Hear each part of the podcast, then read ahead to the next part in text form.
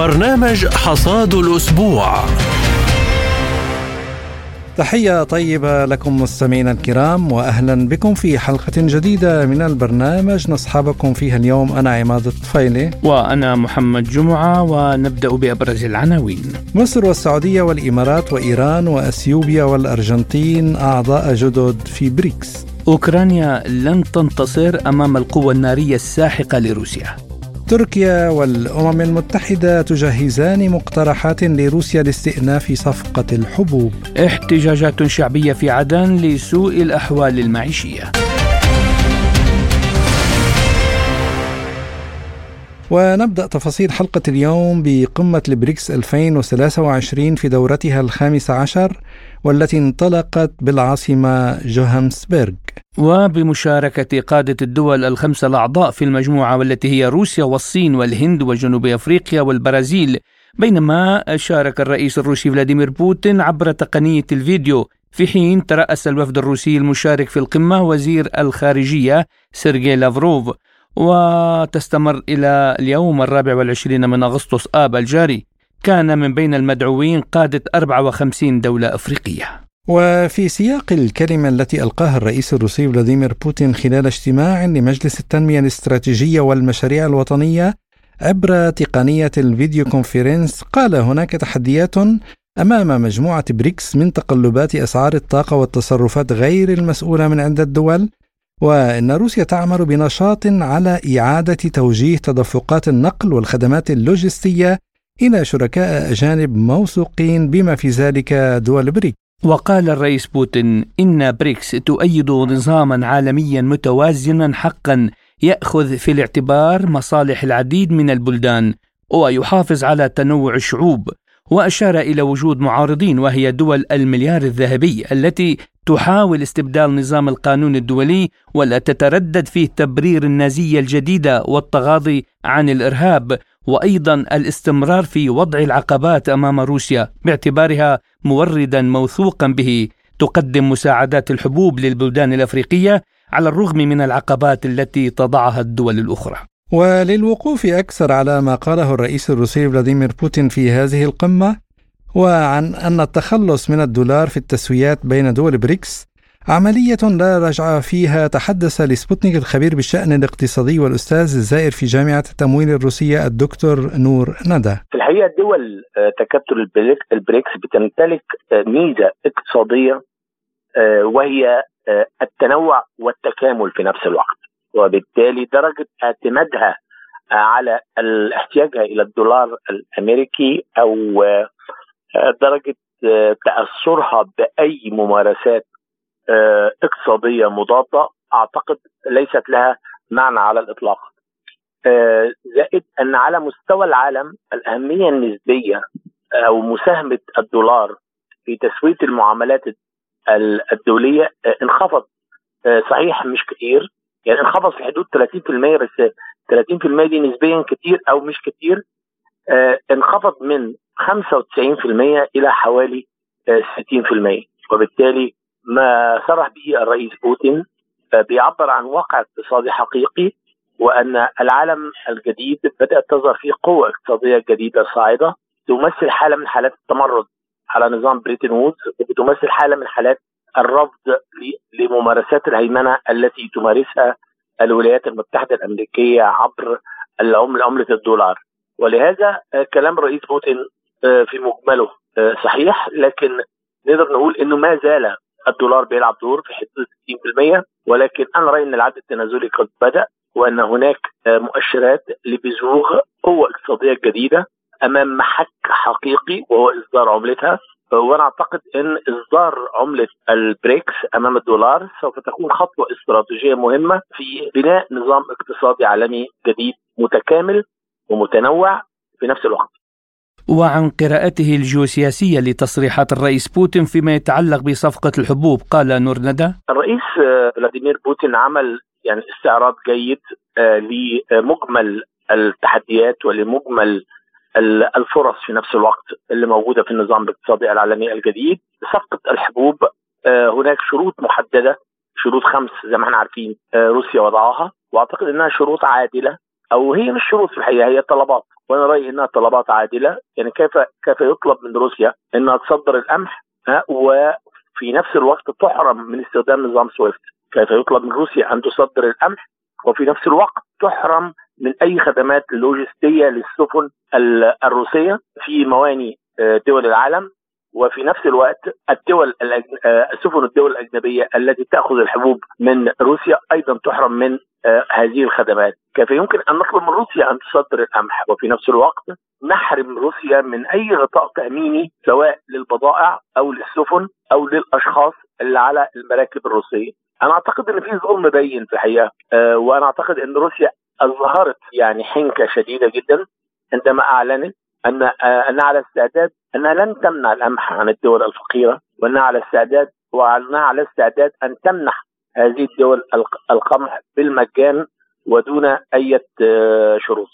وعما إذا كان سيبدأ الآن عالم متعدد الأقطاب مع نجاح دول البريكس في خفض الاعتماد على الدولار الأمريكي في التعاملات التجارية أضاف ندى كما يقولون أن الأرقام لا تكذب الأرقام تعكس الحقيقة يعني حجم التبادل التجاري ما بين روسيا ودول الكومنولث تجاوز ال 230 مليار دولار. مساهمة دول الكومنولث في حجم الناتج القومي الإجمالي العالمي آه، حوالي 33% أكثر من الدول السبعة يعني تفوقت على الدول السبعة الكبار ب 1% الدول السبعة الكبار بنتكلم عن مساهمتها 32.5% يعني البريكس حوالي 33 33 ونص دول البريكس آه، مساهمه دول البريكس في التجارة العالمية يبلغ حوالي 28% آه، هذه الأرقام تعكس الواقع وتقر حقيقة وجود آه، تكتل البريكس في في الفضاء الاقتصادي العالمي وتعبيره عن أسس جديدة في التعامل الاقتصادي والنقدي العالمي. كان معنا الخبير بالشأن الاقتصادي الدكتور نور ندى. وللحديث أكثر عن مستقبل دول البريكس والنظام العالمي وعن أهمية هذه القمة للدول الأعضاء وأيضا للدول الراغبة في الانضمام إلى التكتل الاقتصادي تحدث لسبوتنيك الخبير الاقتصادي الأستاذ إسحاق خرشي اولا بالنسبة للدول الأعضاء هي فرصة من أجل الوقوف على حجم الالتزام ونسبة الامتثال لأن في كل اجتماع للبريكس فيه مجموعة من الأجندة التي تقدمها كل دولة عضو وتلزم بها الأعضاء على تنفيذها. فكل الاجتماعات السنوية هي من أجل التقييم حجم التقدم في الالتزامات الخاصة بالأعضاء مع بعضهم البعض. بالنسبة ل والتجاري مع الدول الاعضاء أيضا مهمة رأينا بأن روسيا كان لها يعني منفذ الخاص ب يعني الالتفاف حول العقوبات التي فرضها الغرب من خلال بيع النفط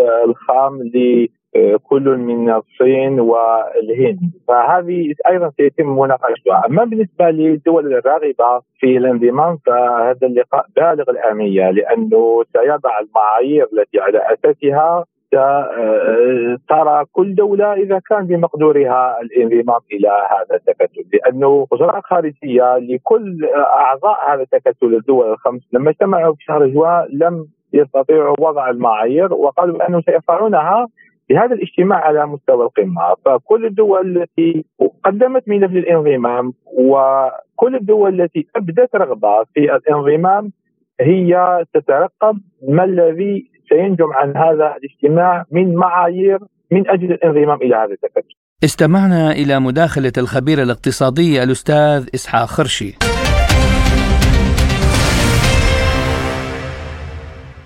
ومتابعة للحديث عن آخر المستجدات في قمة البريكس ينضم إلينا من الإمارات الخبير الاقتصادي الأستاذ نايل الجوابرة أهلا بك أستاذ نايل وأبدأ معك يعني عن اتخاذ مجموعة بريكس قرارا بدعوة كل من مصر والسعودية والإمارات وإيران وأثيوبيا والأرجنتين لتصبح أعضاء في المجموعة يعني هل كانت هناك اعتبارات خاصة لتفضيل انضمام هذه البلدان على غيرها؟ بكل تأكيد وخاصة بالنسبة للناتج المحلي الإجمالي وأيضا بالنسبة إلى أهم المصدرين في أوبك وإن كان نتحدث إن كان الوضع الاقتصادي أو الوضع السياسي.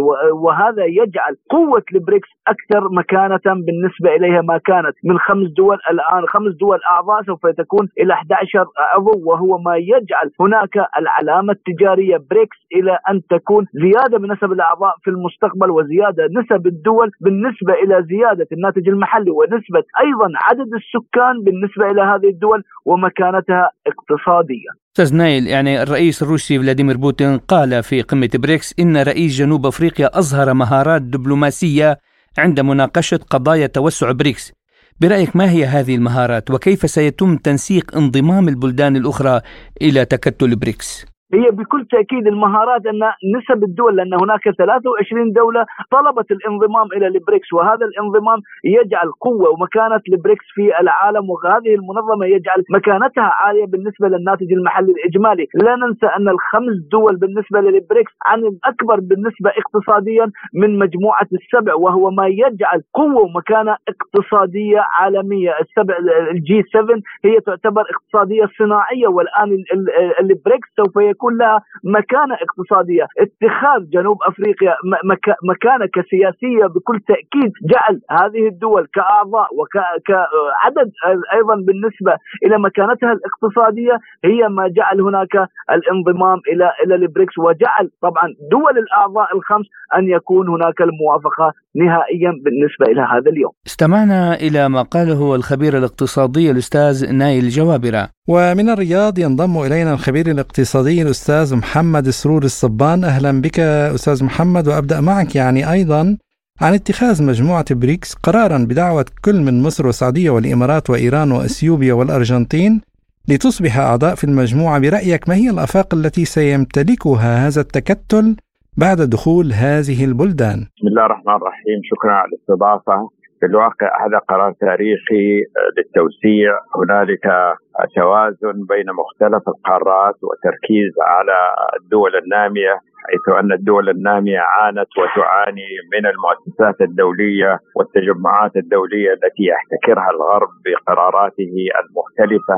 وهذه المجموعة هي مجموعة صحيح فيها الهند والصين وروسيا لكنها مجموعة متوازنة تقوم على اتخاذ قرارات عادلة وتنحاز إلى الدول النامية بكل أشكالها. هذا التجمع سيسحب ليس فقط من الولايات المتحدة، سيسحب من الغرب جميعه كل كل قرارات الاستبداد والعنجهية والعنصرية التي كانوا يمارسونها سواء من خلال حكوماتهم أو من خلال المؤسسات الدولية التي بسم الله الرحمن الرحيم شكرا على الاستضافة. في الواقع هذا قرار وهناك سؤال لابد من طرحه أستاذ يعني يتعلق بالقرارات النفطية والغازية يعني هل سيسحب البساط النفطي الآن من تحت الولايات المتحدة؟ لتكون بريكس هي سيدة الموقف في تقرير الحقوق النفطية في العالم؟ من الآن وصاعدا ونتيجة لهذه التنوع في العضوية والتي تشمل الدول كبار الدول المستهلكة للنفط وكبار الدول المنتجة للنفط أيضا التعامل الاقتصادي بين هذه الدول سيغطي على أي استبداد يمارسه الغرب سواء على من خلال الحكومات مثل الولايات المتحدة وبقية الدول الأوروبية وبقية الدول الغرب أو من خلال المؤسسات الدولية مثل البنك الدولي وصندوق النقد الدولي حيث أن بنك التنمية التابع لمجموعة بريكس سيكون له اليد الطولة في آه، تحديد آه، ما يمكن إقراضه للدول النامية آه، وما يمكن الاستفادة منه في مختلف مشاريع الاستثمار والتنقيب عن مختلف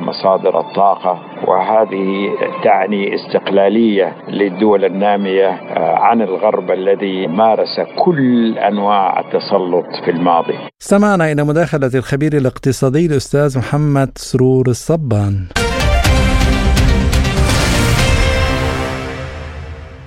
وإلى أوكرانيا حيث صرح القائد السابق لقوة المهام المشتركة في إيطاليا الجنرال ماركو بيرتوليني بأن انتصار أوكرانيا في ساحة المعركة أمر لا يمكن تصوره بالنظر إلى القوة النارية الساحقة لروسيا.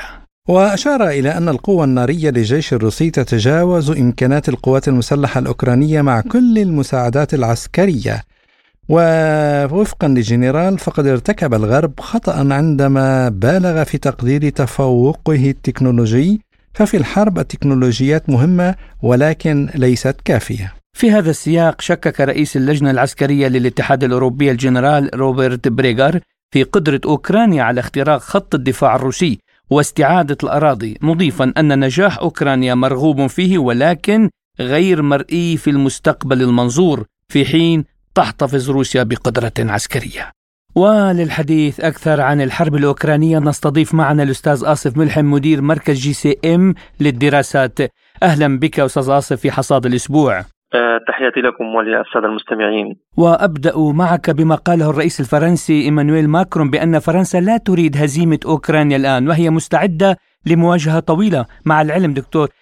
أن الرئيس الفرنسي الأسبق نيكولاي ساركوزي قال إن استمرار النزاع في أوكرانيا يجعل من أوروبا كالراقصة على حافة فوهة بركان.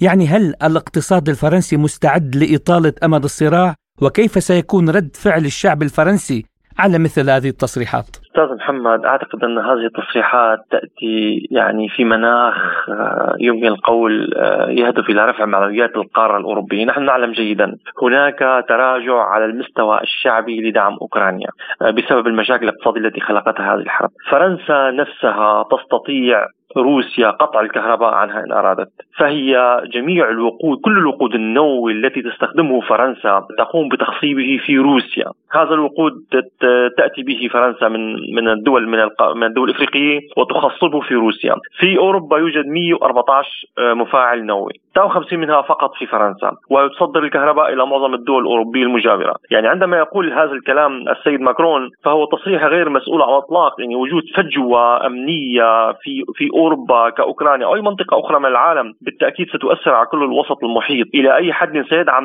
سيدعم أوكرانيا إلى أن تنتصر أوكرانيا؟ آه، هذا هذا التصريح غريب لأن لأن في النهاية هذه الأسلحة التي تقدم لأوكرانيا تحتاج إلى من يستخدمها. والخسائر التي تتكبدها أوكرانيا سواء في على المستوى البشري أو على المستوى العداد والأسلحة كبير جدا بالمقارنة مع الضرر الذي تتضرره روسيا، روسيا كما نلاحظ تمتن علاقاتها مع دول العالم وتطورها وتحظى بثقة أكبر كل يوم آه، بمقابل تراجع للثقة بالدول بالدول الغربية. لذلك الموضوع هذا التصريح أعتقد أنه يأتي فقط في سياق رفع المعنويات لأن نعلم جيدا أنهم يعني على أبواب الخسارة تقريبا. هم لا يريدون الاعتراف بذلك ولكن كالهروب إلى الأمام آه، ممكن القول. نعم آه، وهنا يعني في هذا السياق فيما يخص الأوروبيين يعني منذ بداية الصراع في أوكرانيا قدمت ألمانيا لكييف مساعدات بمبلغ 22 مليار يورو يعني ما هي المخاطر التي تهدد برلين في حال استمرار المشاركة في هذا الصراع؟ برلين تحديدا أو ألمانيا تحديدا هي الخاسر الأكبر من هذا الصراع، نعم نحن نعلم جيدا يعني أن الغاز الروسي كان يتدفق إلى ألمانيا بأسعار نعم بأسعار بأسعار مخف مخفضة جدا والاقتصاد الألماني كان منتعش إلى أبعد الحدود بسبب بسبب الغاز الروسي. يعني هذه إحصائيات دقيقة. وبالتالي عندما هذه المساعدات بالمناسبة يجب أن نشير نقطة هامة أستاذ عماد وهو أن هذه المساعدات أشبه بغسيل الأموال. هناك كميات كبيرة من الأموال تسرق من قبل المسؤولين الغربيين ومن قبل المسؤولين الاوكرانيين آه، وبالتالي الحرب الأوكرانية يحافظون عليها آه، فقط للمحافظة على مصالحهم الشخصية. هناك جزء طبعا أنا لا أستطيع أن أقول كل المسؤولين الغربيين لا أكيد. هناك مجموعة من المسؤولين الغربيين مستفيد من هذه الحرب بشكل أو بآخر، ولو نظرنا إلى أسلوب زيلينسكي بالتعامل معهم يعني هو دائما يخاطبهم بطريقة وكأنهم مجب وكأنهم مجبرين مجبرون على مساعدته. وهذا يدل على أنه يعرف كل خفايا هذه شبكات الفساد والموجودة في أوكرانيا فروعها في أوكرانيا والواقع ولكن جذورها موجودة في في في لندن وواشنطن وبرلين وباريس وغيرها من الدول من الدول الغربية. هذه المساعدات وكلها تصرف بطريقة باتفاقات شخصية صح التسمية وهي نوع من غسيل الاموال بالنسبة لألمانيا، لا يمكن القول أن هذه المساعدة التي تقدمها ألمانيا لأوكرانيا تعكس مصالح الشعب الألماني تحديدا بل تعكس مصالح بعض المسؤولين الألمان ضمن ألمانيا. لذلك القول عن ضرر أو عدم ضرر الحديث صعب جدا لأن الفساد موجود في كل دول العالم وإلى أي حد سيتأثر ستتأثر هذه الدول بالفساد. هذا أمر يمكن بحثه ولكن يحتاج إلى إلى إلى إلى وقت كثير طبعا. نعم الآن نسمع زيلينسكي يعود إلى نغمته السابقة بأن القوات المسلحة الأوكرانية تعاني من نقص مستمر في الأسلحة والقذائف إلى آخره. يعني وصعب على كيف دون مساعدة الشركاء الغربيين. برأيك هل يحاول زيلينسكي بهذا أن يبرر للغرب أسباب فشل الهجوم المضاد أم هذا نوع من التسول الجديد؟ أستاذ أستاذ محمد هم يعرفون منذ البداية أنه لا يمكنهم تقديم مساعدة عسكرية كبيرة بحيث تكسر موازين القوى، لأن روسيا هددت في حال تقديم أي مساعدة كاسر لميزان القوى بين الطرفين أو يشكل تهديد استراتيجي لروسيا فإن روسيا سترد بحزم وبقوة بعنف، وهذا الأمر يدركونه جيدا، وإذا ردت روسيا بعنف فقد يتطور الموقف ويتصاعد إلى أبعد الحدود. آه، الجيش الأوكراني جيش جيش يعني ضعيف من الأساس ويعتمد على هذه المساعدات والأسلحة الروسية أقوى من كل الأسلحة الغربية التي يقدمها الغرب، نعم الكميات التي تقدم بشكل عام هي حقيقة غير كاسره للتناظر، يعني عندما قدمت منظومات نسمس على سبيل المثال نحن جلسنا نحسب كم أوكرانيا أوكرانيا بحاجة إلى كم إلى إلى كم من من المنظومات حتى تستطيع أن تحيد الطيران الحربي الروسي، المنظومات التي قدمت آه، وقتها كانت غير قادرة على تحييد على تحييد الطيران الروسي، يعني هي تشكل خطر ولكنها لا تحيد الطيران الروسي، عندما قدمت باتريوت أيضا حسبنا الأمر كذلك أمر، هم يقدمونها بكميات قليلة بحيث هذا بحيث لا يتم استفزاز روسيا إلى رد عنيف جدا. النقطة الثانية الجيش الجيش الأوكراني تحطم يعني معظم قوات النخبة حطمتها روسيا في معارك سوليدار وباخموت وبالتالي لم يعد هناك يعني قوة بشرية قادرة على استخدام هذه الأسلحة. والتعبئة تتم الآن في أوكرانيا بالقوة حقيقة يقومون بالتقاط الشباب من الشوارع لتعبئتهم وهناك أنباء على أن هناك على أن هناك موجة رابعة من التعبئة وستكون تقريبا تعبئة عامة في أوكرانيا وبالتالي يعني. يمكن فهم تصريح زيلينسكي على أنه تغطية على على الفشل الهجوم المضاد الذي روجوا له كثيرا أشهر من الترويج والكلام عن هذا الموضوع أنه سيسحق القوات الروسية ولكن الواقع بين على أن أوكرانيا لم تحقق أي تقدم على الإطلاق وبالتالي هذا التصريح يمكن فهمه في هذا السياق. وفي نفس التوقيت الجانب الأوروبي أيضا كما الجانب الغربي بنفس التوقيت لا يتجرأ على استفزاز استفزاز روسيا. لأنهم لو كانوا لو كانوا فعلا جادين بمساعدة أوكرانيا لقبلوا على الأقل لدعوا لدعوا أوكرانيا إلى الانضمام على الأقل إلى حلف الناتو، ولكن هذه الدعوة بحد ذاتها لم تتم وهذا يدل على أنهم خائفون حقيقة من روسيا. نعم أستاذ آسف يعني المجر أعلنت استعدادها للعب دور الوسيط في محادثات السلام بشأن أوكرانيا. يعني معروف موقف المجر الموضوعي من الأزمة الأوكرانية، ما هي فرص المجر وما هي المقترحات التي يمكن أن تطرحها من الناحية النظرية برأيك؟ أستاذ عماد يعني المقترحات التي تقترح حقيقة كثيرة جدا يعني في هناك كثير من المبادرات الكثير من المقترحات ولكن أصبحت الشروط واضحة للجميع أنا أعتقد أن دخول المجر على خط هذه الأزمة الآن هو محاولة لإنقاذ الموقف الأمريكي لأن الأمريكان يعني لا يريدون أن يخرجوا من هذه المعركة آه، يعني بخسارة كبيرة خاصة بعد بعد خسارتهم في أفغانستان وتتكرر هذه الخسارة هنا. لذلك يريدون يخرجون أن يخرجوا ويحفظوا ماء الوجه يعني وتحصيل ما يمكن تحصيله من هذه الأزمة لأنهم آه، أعدوا أوكرانيا لفترة طويلة من الزمن. وهناك مقترحات عديدة يعني منذ أشهر قبل قبل زيارة زيارة بعض المسؤولين الغربيين إلى الصين. بعض بعض المسؤولين السابقين في البنتاغون كتب على أننا مستعدون للاعتراف بسيادة روسيا على الأراضي التي ضمتها مقابل دفع مبلغ من المال مبلغ من المال ثم قيل بعد ذلك على لسان بعض الضباط في في الجيش الأمريكي على أن على أننا مستعدون للاعتراف بسيادة روسيا على هذه الأراضي مقابل تنازل روسيا عن المبالغ المحجوزة في المصارف الغربية. وبعد فترة أيضا مسؤولين في في, في الناتو أيضا قالوا على مقابل انضمام أوكرانيا لحلف الناتو ممكن الاعتراف بسيادة روسيا. هناك تخبط في المواقف الغربية لذلك أن أنا أعتقد نعم علاقات علاقات المجر علاقات هنغاريا مع روسيا جيدة. آه، منذ فترة كان وزير الخارجية المجري هنا وهناك اتفاق على استمرار تزويد المجر بألغاز الروسي والنفط الروسي وهناك اتفاق على بناء محطة نووية أيضا في المجر. آه، ولكن من الصعب جدا المشكلة ليست في روسيا، روسيا مستعدة للمفاوضات ولكن وفق شروطها، الطرف الغربي هو الخاسر في هذه المعركة، ولا يريدون الاعتراف لروسيا بهذه آه، بهذا النصر، وبالتالي يحاولون ان صح التسميه الابتزاز قدر الإمكان، هل الدول الغربية مستعدة لهذه الخطوة؟ وكانت مستعدة. هناك الكثير من القنوات التي تستطيع هذه الدول الغربية مخاطبة روسيا عبر هناك الصين هناك دول عديدة السعودية أبدت أبدت استعدادها. هناك دول محايدة إن صح التسمية تستطيع إرسال يعني وجهة نظر غربية إلى إلى روسيا. ولكن أعتقد أعتقد أن المجر لن تستطيع تحقيق أي خرق في هذه المرحلة. على الأقل لأن الدول الغربية نفسها غير مستعدة لذلك ومع وما زال عندهم أمل يعني بتحقيق نصر نصر ما أو يعني استنزاف روسيا إلى إلى حد أكبر ان صح التسمية. نعم مدير مركز جي اس ام للدراسات والخبير بالشأن الروسي الأستاذ آصف ملحم كنت معنا ودائما معنا في برامجنا شكرا لكم وحياكم الله. شكرا جزيلا. ولكم الشكر الجزيل ولكم الشكر الجزيل.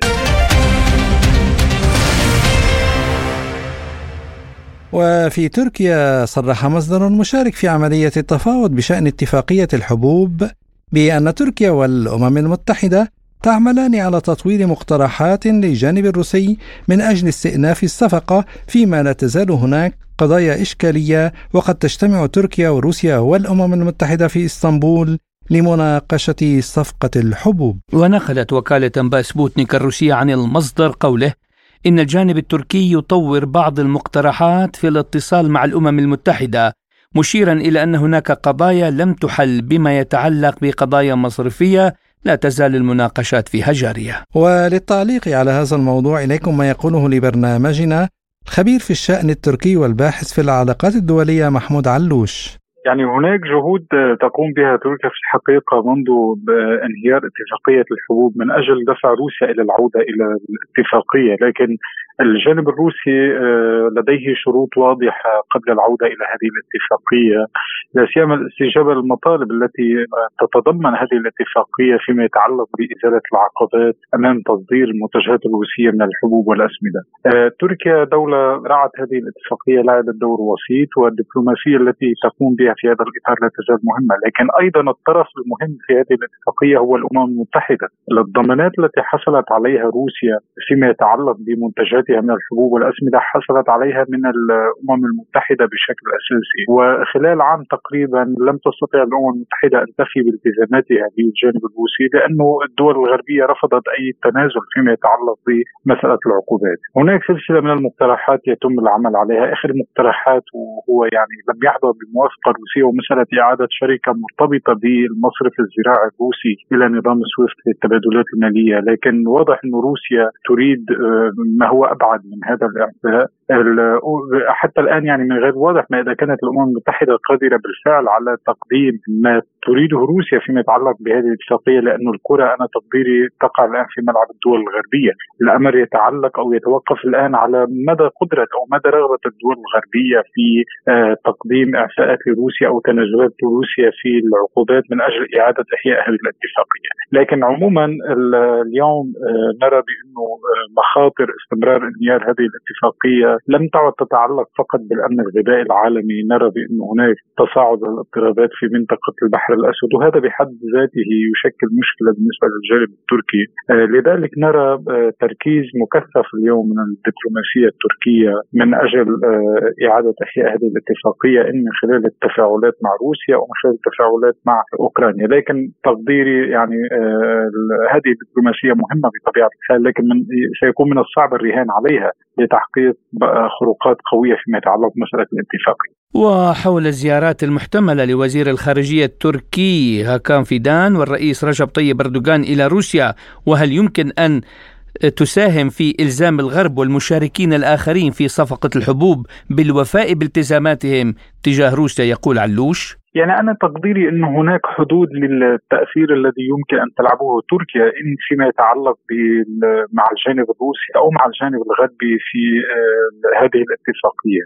بالطبع يعني كما قلت الدبلوماسية التركية كانت نشيطة بشكل إيجابي منذ اندلاع الحرب بين روسيا وأوكرانيا قبل نحو عام ونصف. وهذا الدور الذي لعبته تركيا وفي الحقيقة لم يكن فقط لمصلحة الأطراف المنخرطة مباشرة في الصراع يعني بذلك روسيا وأوكرانيا أيضا كان مصلحة للدول الغربية في جانب آخر لأنه تركيا كانت احد أو إحدى قنوات التواصل النادر التي يمكن أن تلعب دور فعال مع روسيا لتهدئة حدة الصراع. لكن آه، أيضا أنا أعتقد إنه سيكون آه، أو الدول الغربية لا تريد أن تمنح تركيا قدرة أكبر أو هامش أكبر على المناورة بشكل مستقل عن السياسات الغربية فيما يتعلق بالحرب الروسية الأوكرانية لاعتبارات جيوسياسية واسعة تتعلق بمسألة العلاقات التركية الغربية آه، عموما. من الصعب طبعا على تركيا أن تضغط على الدول الغربية من أجل تقديم إعفاءات لروسيا فيما يتعلق بالعقوبات، لكن النقطة المهمة جدا إنه اليوم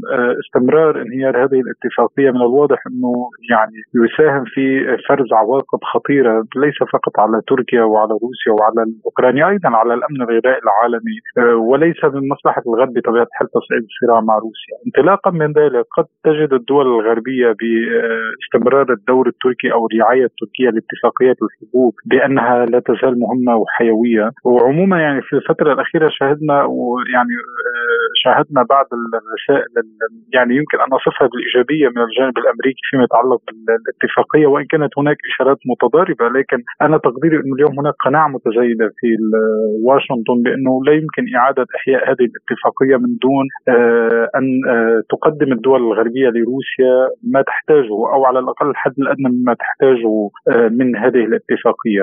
أنا يعني خلال الأسابيع الأخيرة أو الأشهر الأخيرة كانت هناك نشاط كان هناك نشاط قوي في الدبلوماسية بين تركيا والدول الغربية وأعتقد أنه ربما تركيا تسعى لاستثمار هذا النشاط من أجل دفع الدول الغربية إلى تقديم شيء ما لروسيا لإعادة احياء الاتفاقية. وعن أهمية زيارة أردوغان إلى روسيا وما يجب توقعه من هذه الزيارة يقول علوش الزيارة مهمة جدا ستكون مهمة. يعني كان يفترض أن تكون الزيارة بزيارة الرئيس بوتين إلى تركيا لكن يبدو أن هناك اعتبارات حالت دون إتمام هذه الزيارة آه، خلال هذا الشهر. لكن عموما الزيارة مهمة. طبعا اتفاقية الحبوب بين القضايا الأساسية المطروحة على طاولة النقاش بين الزعيمين ستكون حاضرة بقوة لكن عموما الآن نتحدث عن شراكة تركية روسية لا تقتصر فقط في الحقيقة على مسألة اتفاقية الحبوب نحن نرى تداخل في المصالح الجيوسياسية بين تركيا وروسيا في كثير من المجالات يعني في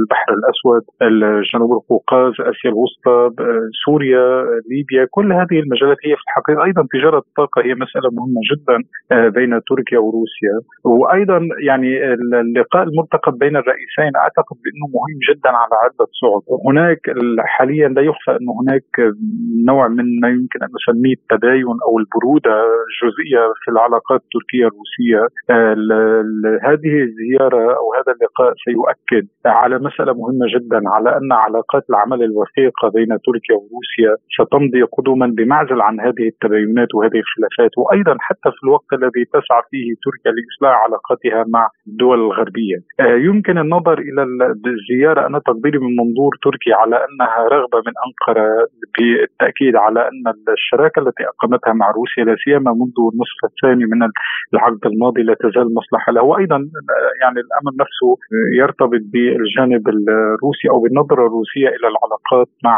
تركيا هناك يعني رغم أنه الآن آه، اتفاقية الحبوب تبرز كأولوية في العلاقات أو حتى الوضع في البحر الأسود يبرز كأولوية في العلاقات التركيه الروسيه لكن علينا الا ننسى أنه مسألة سوريا أيضا مهمة في التفاعلات التركية الروسية.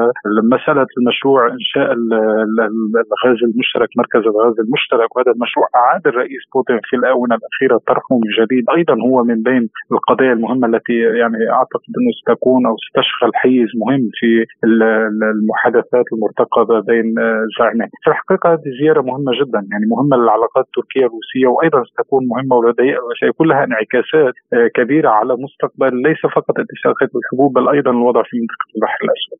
وعن العواقب التي يمكن أن تنتج عن عدم إحياء هذه الصفقة لعدم الأخذ بعين الاعتبار لمصالح روسيا يقول علوش. العواقب بدأت تبرز حقيقة في الفترة الأخيرة من خلال العسكره المتزايده في منطقة البحر الأسود. وأعتقد انه هذه المسألة منطقة البحر الأسود مسألة مهمة جدا في التنافس الجيوسياسي بين روسيا والغرب عموما والمرتبط يعني بشكل أساسي بالحالة الأوكرانية. اليوم لا يعني لا يوجد مصلحة لدى روسيا ولدى ليس لدى تركيا على وجه الخصوص آه، أن يكون هناك مزيد من العسكره ومزيد من الاضطرابات في منطقة البحر الأسود. المهم جدا في اتفاقية الحبوب إنه رغم إنه هذه الاتفاقية كان هدفها الاساسي التعامل مع مسألة البعد الغذائي في الصراع الروسي الأوكراني وتحد من تداعياته على الأمن الغذائي العالمي، لكن الأهمية الكبيرة هو إنه استطاعت إلى حد كبير أو بشكل معقول الحد أو تخفيف النشاط العسكري في منطقة البحر الأسود، استمرار انهيار هذه الاتفاقية سيعني مزيد بتقديري من حالة عدم اليقين بشأن الأمن في منطقة البحر الأسود واستقرار منطقة البحر الأسود. ويجلب المخاطر حقيقة آه، ليس فقط على صعيد العلاقات التركية الروسية بل أيضا على صعيد الصراع الروسي الغربي حول أوكرانيا. مسألة الأمن الغذائي العالمي بالتأكيد استمرار يعني انهيار هذه الاتفاقية أو عدم العودة إلى إحياء هذه الاتفاقية سيعني مزيد من الضغط على سلاسل الامداد الغذائية الرئيسية في العالم، لكن نرى بانه روسيا تحاول أيضا يعني آه، يبدو أنه هي تضع احتمال كبير بأنه لن يعود أو لن تعاد إحياء هذه الاتفاقية من جديد، لذلك تتحدث عن إمكانية التعاون مع تركيا بشكل منفصل من أجل آه، تصدير منتجاتها من الحبوب والاسمده إلى الدول الفقيرة لا سيما في أفريقيا، طبعا هذا المشروع مهم وتركيا منفتحة على التعاون لكن الأولوية التركيه في الوقت الراهن هي لإعادة إحياء هذه الاتفاقية. بمعنى أنه الإشارات التي أرسلتها تركيا في الفترة الأخيرة هي أنها مستعدة للمضي قدما في أي تعاون مع روسيا بشأن صادراتها من الحبوب والأسمدة لكن أن يكون هذا التعاون بالتوازي مع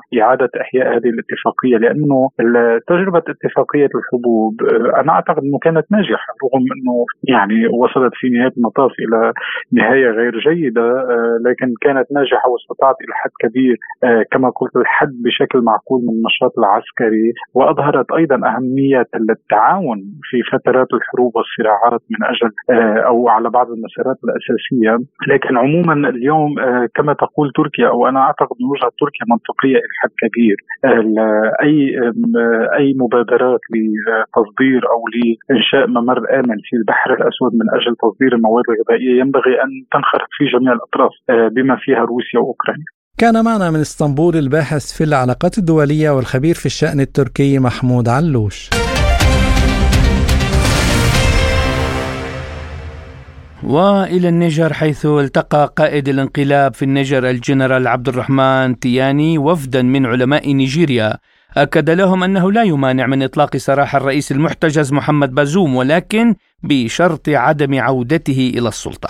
وللتعليق على هذا الموضوع وعن سبب فشل المفاوضات بين وفد إكواس والمتمردين في النيجر تحدث لسبوتنيك خبير في الشأن الإفريقي ومدير نشر صحيفة شاري إنفو أبكر إدريس حسن فشلت المفاوضات بين المجموعة الاقتصادية لدول غرب إفريقيا الإكواس والسلطات الحاكمه في النيجر ترى المجموعة أن السلطات الحالية انقلابيه التي انقلبت على الرئيس الشرعي آه الذي جاء بنظام دستوري وهو محمد بازوم الذي جاء عبر اقرار من قبل الشعب النيجري وفازت انتخابات 2021 سلطه جديدة تتمسك الآن بالسلطة ترى هي السلطات الشرقيه لانها وجدت الشارع رغم أن خريجه الشارع بشرعية أن معظم سكان النيجر طلع في مظاهرات ومسيرات قائمة له. السلطات هي قامت بالانقلاب بدعوى أنها تدعي أن الرئيس بازوم تفرط في أداء واجبه خصوصا اتهمته بالفساد وعدم الاستتاب الامن واستقرار الأمن في النيجر. أخيرا اتهمته بالخيانة العظمى جاءت بعض المصادر وتقول أن الرئيس بازوم ضغط للانقلاب مجموعه مسلحة توصف بالإرهابية. بالتالي إذا ما ثبت الأمر وهي جمع تلك الأدلة سوف يحكم عليه بالاعدام الآن الصراع بين الاكواس والسلطة الحاكمة، الاكواس تدعمها فرنسا وبعض الدول الغربية، فنيامي تدعمها ثلاث دول وهي مالي وبوركينا فاسو وغينيا. هذا الصراع الذي أدى إلى تأزم الوضع فشلت كل المفاوضات رغم أن السلطات الحاكمة في النيجر الجديده الانقلابيه انها تنازلها على المفاوضات والحوارات السلميه أنها رفضت لإعطاء وفد تعلمهم في وزاره الدرغن في الآونة الأخيرة استطاعت ان تلتقي مع وفد الاكبر في آه، رئاسة نائب رئاسة آه، النيجر السابق أبو بكر عبد السلام إلا أن هذه المفاوضات حتى الآن وصلت بالمغلقه وبالطريق المسدود حتى الآن أن الوقت لم يكشف على وسائل ما جرى المفاوضات بينه وبين بازوم وبين السلطات الجديدة. غير يعني دليل على ذلك هو الذي اعطاه الرئيس الانقلابي الجديد محمد الرحمن الثاني حيث خاطب آه، الأمة النيجيرية وكذلك المجتمع الدولي بأنه إن يتخلى قيد قنبله حال الهجوم على النيجر. بالتالي حتى الآن السلطات في نيامي تتمسك بالسلطه ولا ترى أن آه، لا يمكن أن يوجد السلطة سواها. إنها تمضي قدما ومصرة على الانقلاب بالتالي كل الطرق الآن مسدوده الأيام القادمه لا تكشف لنا آه، عما جديد سوف يمكن يعني يضبط الأيام القادمة. استمعتم إلى ما قاله الخبير في الشأن الإفريقي ومدير النشر صحيفة شاري إنفو أبكار إدريس حسن.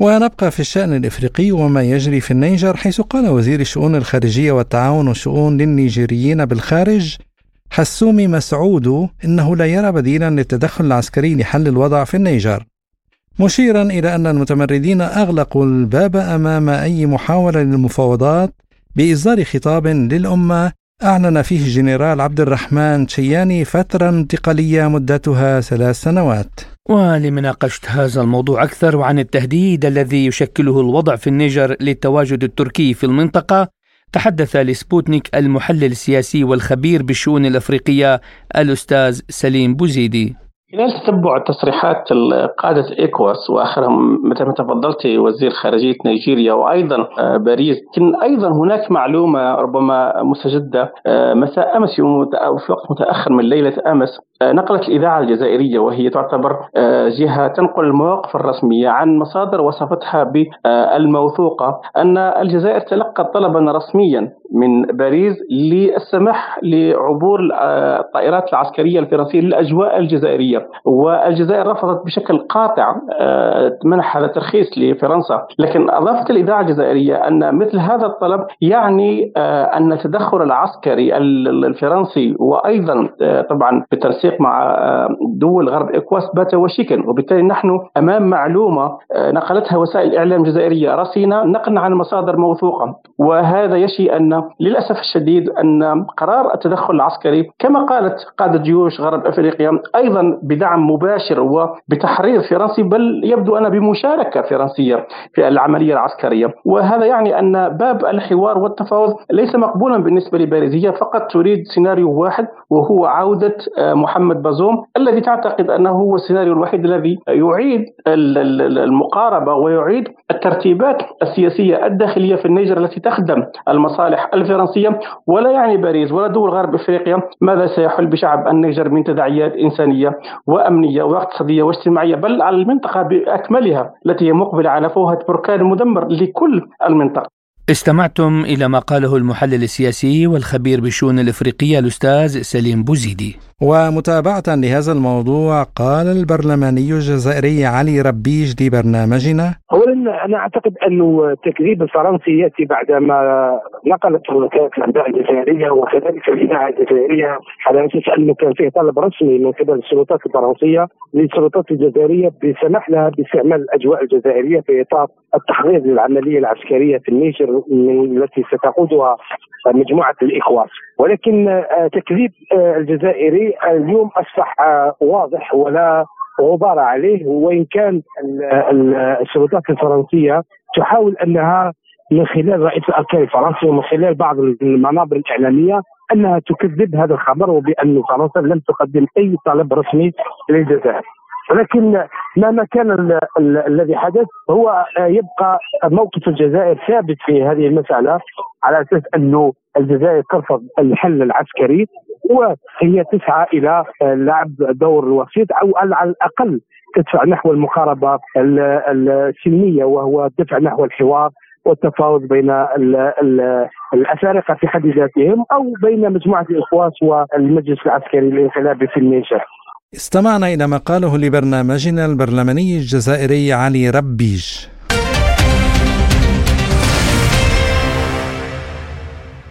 وإلى الأراضي الفلسطينية حيث أعلن الجيش الإسرائيلي وجهاز الأمن العام الشباك اعتقال فلسطينيين اثنين قال إنه يشتبه بوقوفهما وراء عملية إطلاق النار التي وقعت في منطقة الخليل وأسفرت عن مقتل مستوطنه اسرائيليه وإصابة آخر.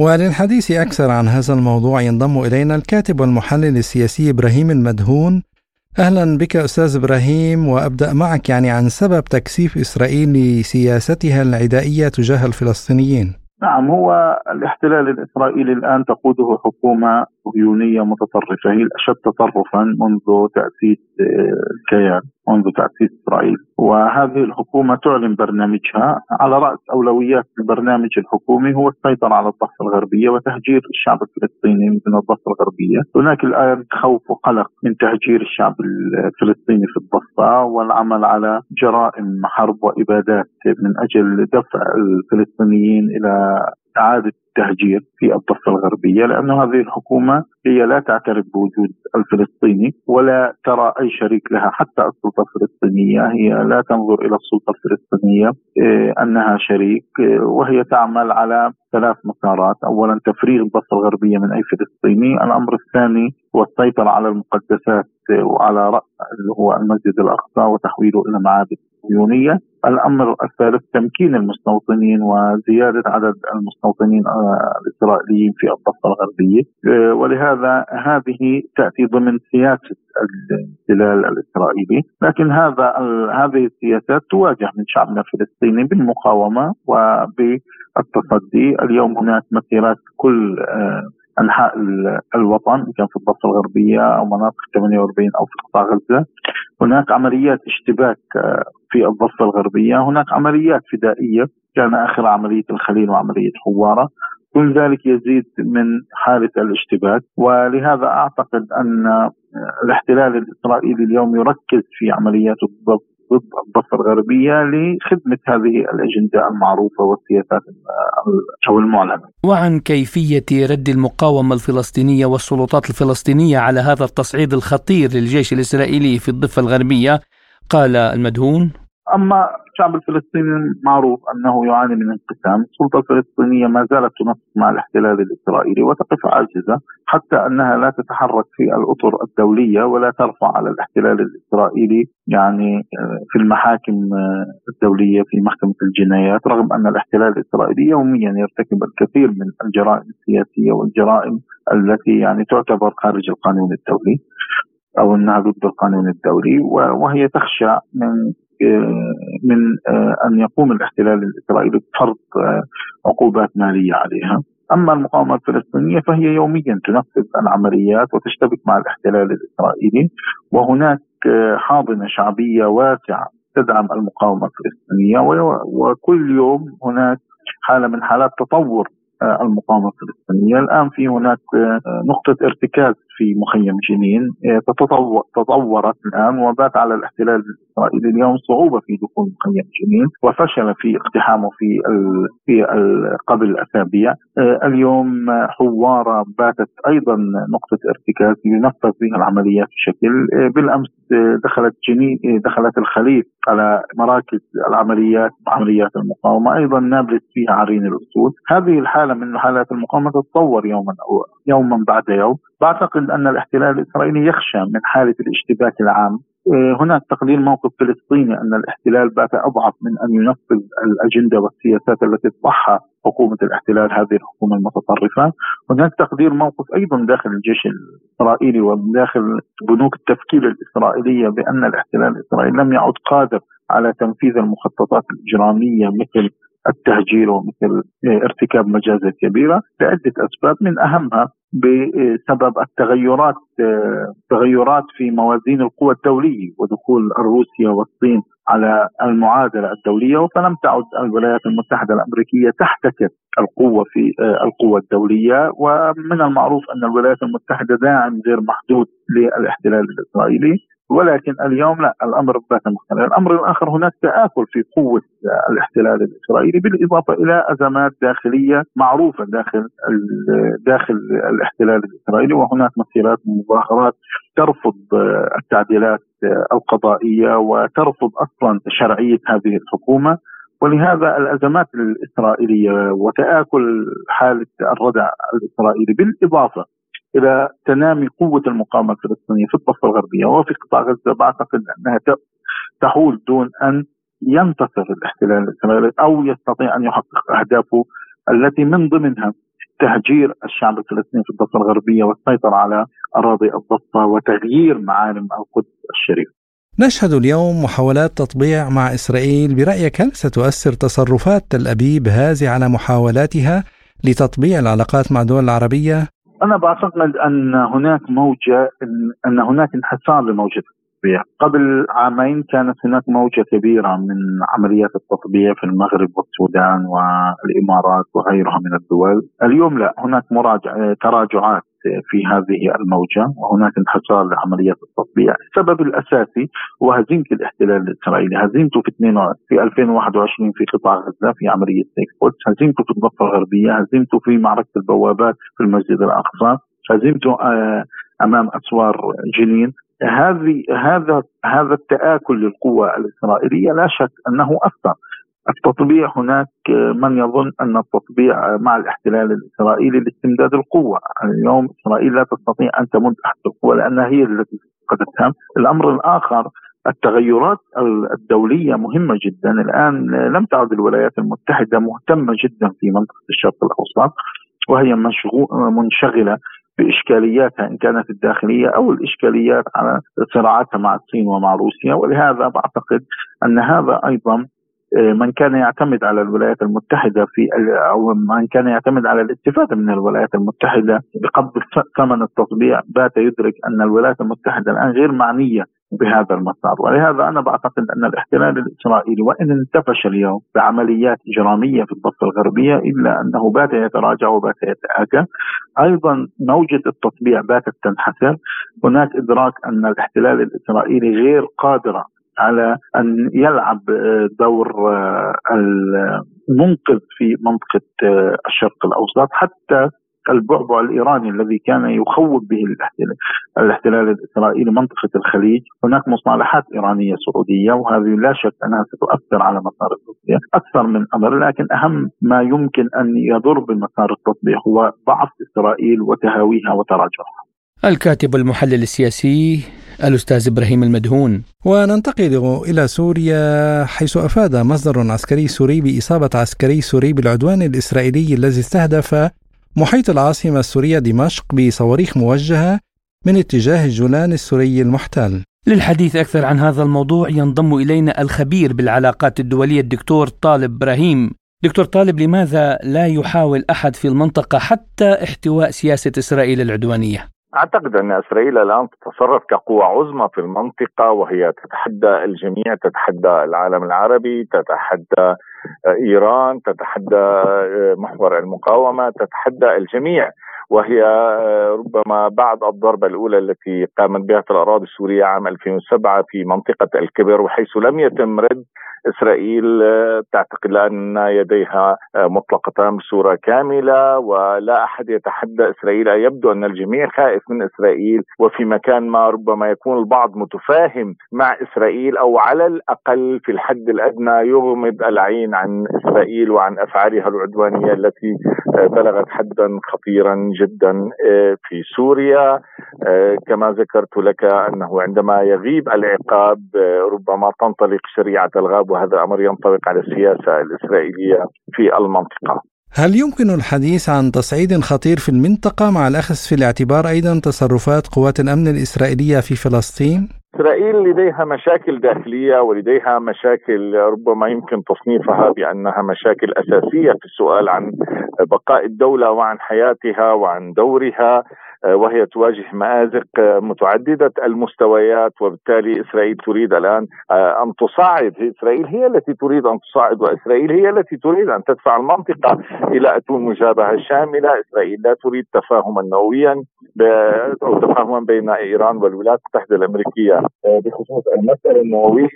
إسرائيل غاضبة من عودة سوريا إلى الجامعة العربية وعن ملامح الحلحلة على المسار السوري وعودة سوريا ربما لتلعب دورها الطبيعي في المنطقة. كل هذه الأمور إسرائيل تستعد لها وليس لديها من خطة سوى تفجير الموقف وتفجير الملفات. أمنيا وعسكريا والإسرائيليون يعتقدون أن لديهم فائض قوة عسكري كبير يهيئ أو يمكنهم من النصر على أعدائهم وهم بطبيعة الحال العرب بوجه الخصوص السوريين واللبنانيين من حزب الله والفلسطينيين. آه، وبالتالي هكذا يقرأ الإسرائيليون الأمور وهم يتجهون إلى تصعيد وتصعيد آه، كبير جدا ولا يخشون كما ذكرنا منذ قليل عقابا أو رادعا روسيا على الإطلاق غير معنية حتى بلوم إسرائيل حتى تغيب الآن عبارات اللوم الدبلوماسية التقليدية التي كانت تخرج بين وقت وآخر عن وزارة الخارجية الروسية. آه، إسرائيل تفعل ما تشاء وهي تعتقد أن هذه فرصتها تقيم آه، إسرائيل الوضع على الساحة الداخلية السورية والاختناقات و ربما بداية الأزمات التي بدأت تحصل في سوريا تقيمها بشكل يتناسب مع مصالحها آه، وهي آه، تستغل هذا الوضع لتوجيه ضرباتها ولجر المنطقة إلى تصعيد شامل. تعتقد أنها ستخرج منه منتصرة. المحلل السياسي والخبير بالعلاقات الدولية الدكتور طالب إبراهيم شكرا لكم. وفي اليمن شهدت مدينة عدن جنوبي اليمن احتجاجات منددة بتردي الخدمات الأساسية وخاصة قطاع التيار الكهربائي في المدينة المعلنة عاصمة مؤقتة للبلاد. أفاد مصدر في السلطة المحلية بمدينة عدن لوكالة سبوتنيك بأن محتجين أغلقوا شوارع رئيسية وفرعية في مديريات الشيخ عثمان والمنصورة وخرمكسر والمعلى مستخدمين الإطارات التالفة بعد إشعال النار فيها تنديدا بانقطاع الكهرباء الذي تجاوز ثمان ساعات إطفاء مقابل ساعتي تشغيل. على صعيد آخر أكد عبد الكريم السعدي القيادي بالحراك السلمي الجنوبي في اليمن أن نجاح أي مفاوضات قادمة مرهون بأن تكون بين الأطراف اليمنية وقال في حديث مع سبوتنيك الحقيقة الموضوع الحديث عن السلام والاتفاق الغربي نحن سبق وتحدثنا وكنا بنينا على معطيات معينة في مرحلة معينة إن هذه الاتفاقات بدأت تتحدد أو بدأت تقريبا تصل إلى مرحلة متقدمة خصوصا عندما تتحدد أطراف هذا الصراع. أو أو أو, أو المباحثات السلام هذه أو اتفاقات السلام. وعندما تحدد الطرف السعودي كطرف وتحدد أيضا الطرف الحوثي آه، مثل بالنسبة لنا كقوة سياسية مرحلة متقدمة أن تحصر الحوار في إطار مكونات معينة فهذا أول الطريق. ومن ثم تأتي الأمور الأخرى التي تفتقدها تلك المشاورات. ولكن مع المتغيرات الحديثة الجديدة المستجدة تدخل المجتمع الدولي وتدخل القوى الإقليمية أو الدولية الكبرى وأرغام المملكة على عدم دخول كطرف في أي مفاوضات يمنية وأن المفاوضات يجب أن تكون يمنية يمنية. خاصه هنا المعادلة تتغير ونجد أنفسنا أمام واقع جديد. هذا الواقع يفرض معطيات أخرى طبعا ويفرض أيضا نتائج أخرى ويتطلب آليات أخرى. فمسألة الحديث عن إنه وصول مباحثات السلام في ظل هذه المتغيرات إلى نقطة نهاية ونقطة توافق أعتقد إنها تحتاج إلى بعض التوقف آه، والتريث في الحكم عليها، نحن الآن بحاجة إلى طرف يمني يقعد أو يجلس على الطاولة إلى جانب الطرف الحوثي، وهذا الطرف لا لا, يمكن أن نحصره في مجلس مشاورات الرياض، لأن هذا المجلس فشل في مهمته التي أنشئ من أجلها، وبات مجلس يشكل صراع ويشكل حالة صراع أخرى في اطار الساحة السياسية اليمنية والجنوبية بشكل خاص، اليمنية بشكل عام والجنوبية بشكل خاص، وبالتالي يصعب أن يتم الاعتماد أو يعتمد على مثل هذا المجلس في تمثيل أو آه، الوصول إلى نتائج سلام حقيقية. في ظل فرض هذا المجلس طرف ولكن هذا المجلس سيكون طرف. جزء من الطرف. الآن في تحركات على الساحة وهناك أيضا تواصلات وأيضا هناك معطيات تفرض أنه لابد من وجود طرف يمني شامل يجمع الكل إذا أردنا الوصول إلى نتائج إيجابية لهذه المباحثات. وهذا لن يحصل إلا بلملمة القوى الوطنية اليمنية عامة والجنوبية بشكل خاص خلها في هذا الطرف اليمني المقابل للطرف الحوثي. هناك تحركات وهناك عمل على إنشاء مكونات وجبهات تضم القوى التي خارج قوى التي خارج القوى التي يتمثل منها مجلس مشاورات الرياض. هناك قوى كثيرة. إحنا نعرف أن اتفاق الرياض أو مجلس مشاورات الرياض الذي جاء على خلفية مشاورات الرياض التي أبعدت الرئيس الشرعي هادي وجاءت بهذا المجلس استثنت كل في قوى كثيرة واعتمدت على القوى المدعومة إقليميا فقط. كان معنا القيادي بالحراك السلمي الجنوبي في اليمن عبد الكريم السعدي. مستمعينا الكرام إلى هنا تنتهي حلقة اليوم من برنامج حصاد الأسبوع. كنت معكم أنا محمد جمعة. وأنا عماد الطفيلي وشكرا لإصغائكم وإلى اللقاء. إلى اللقاء.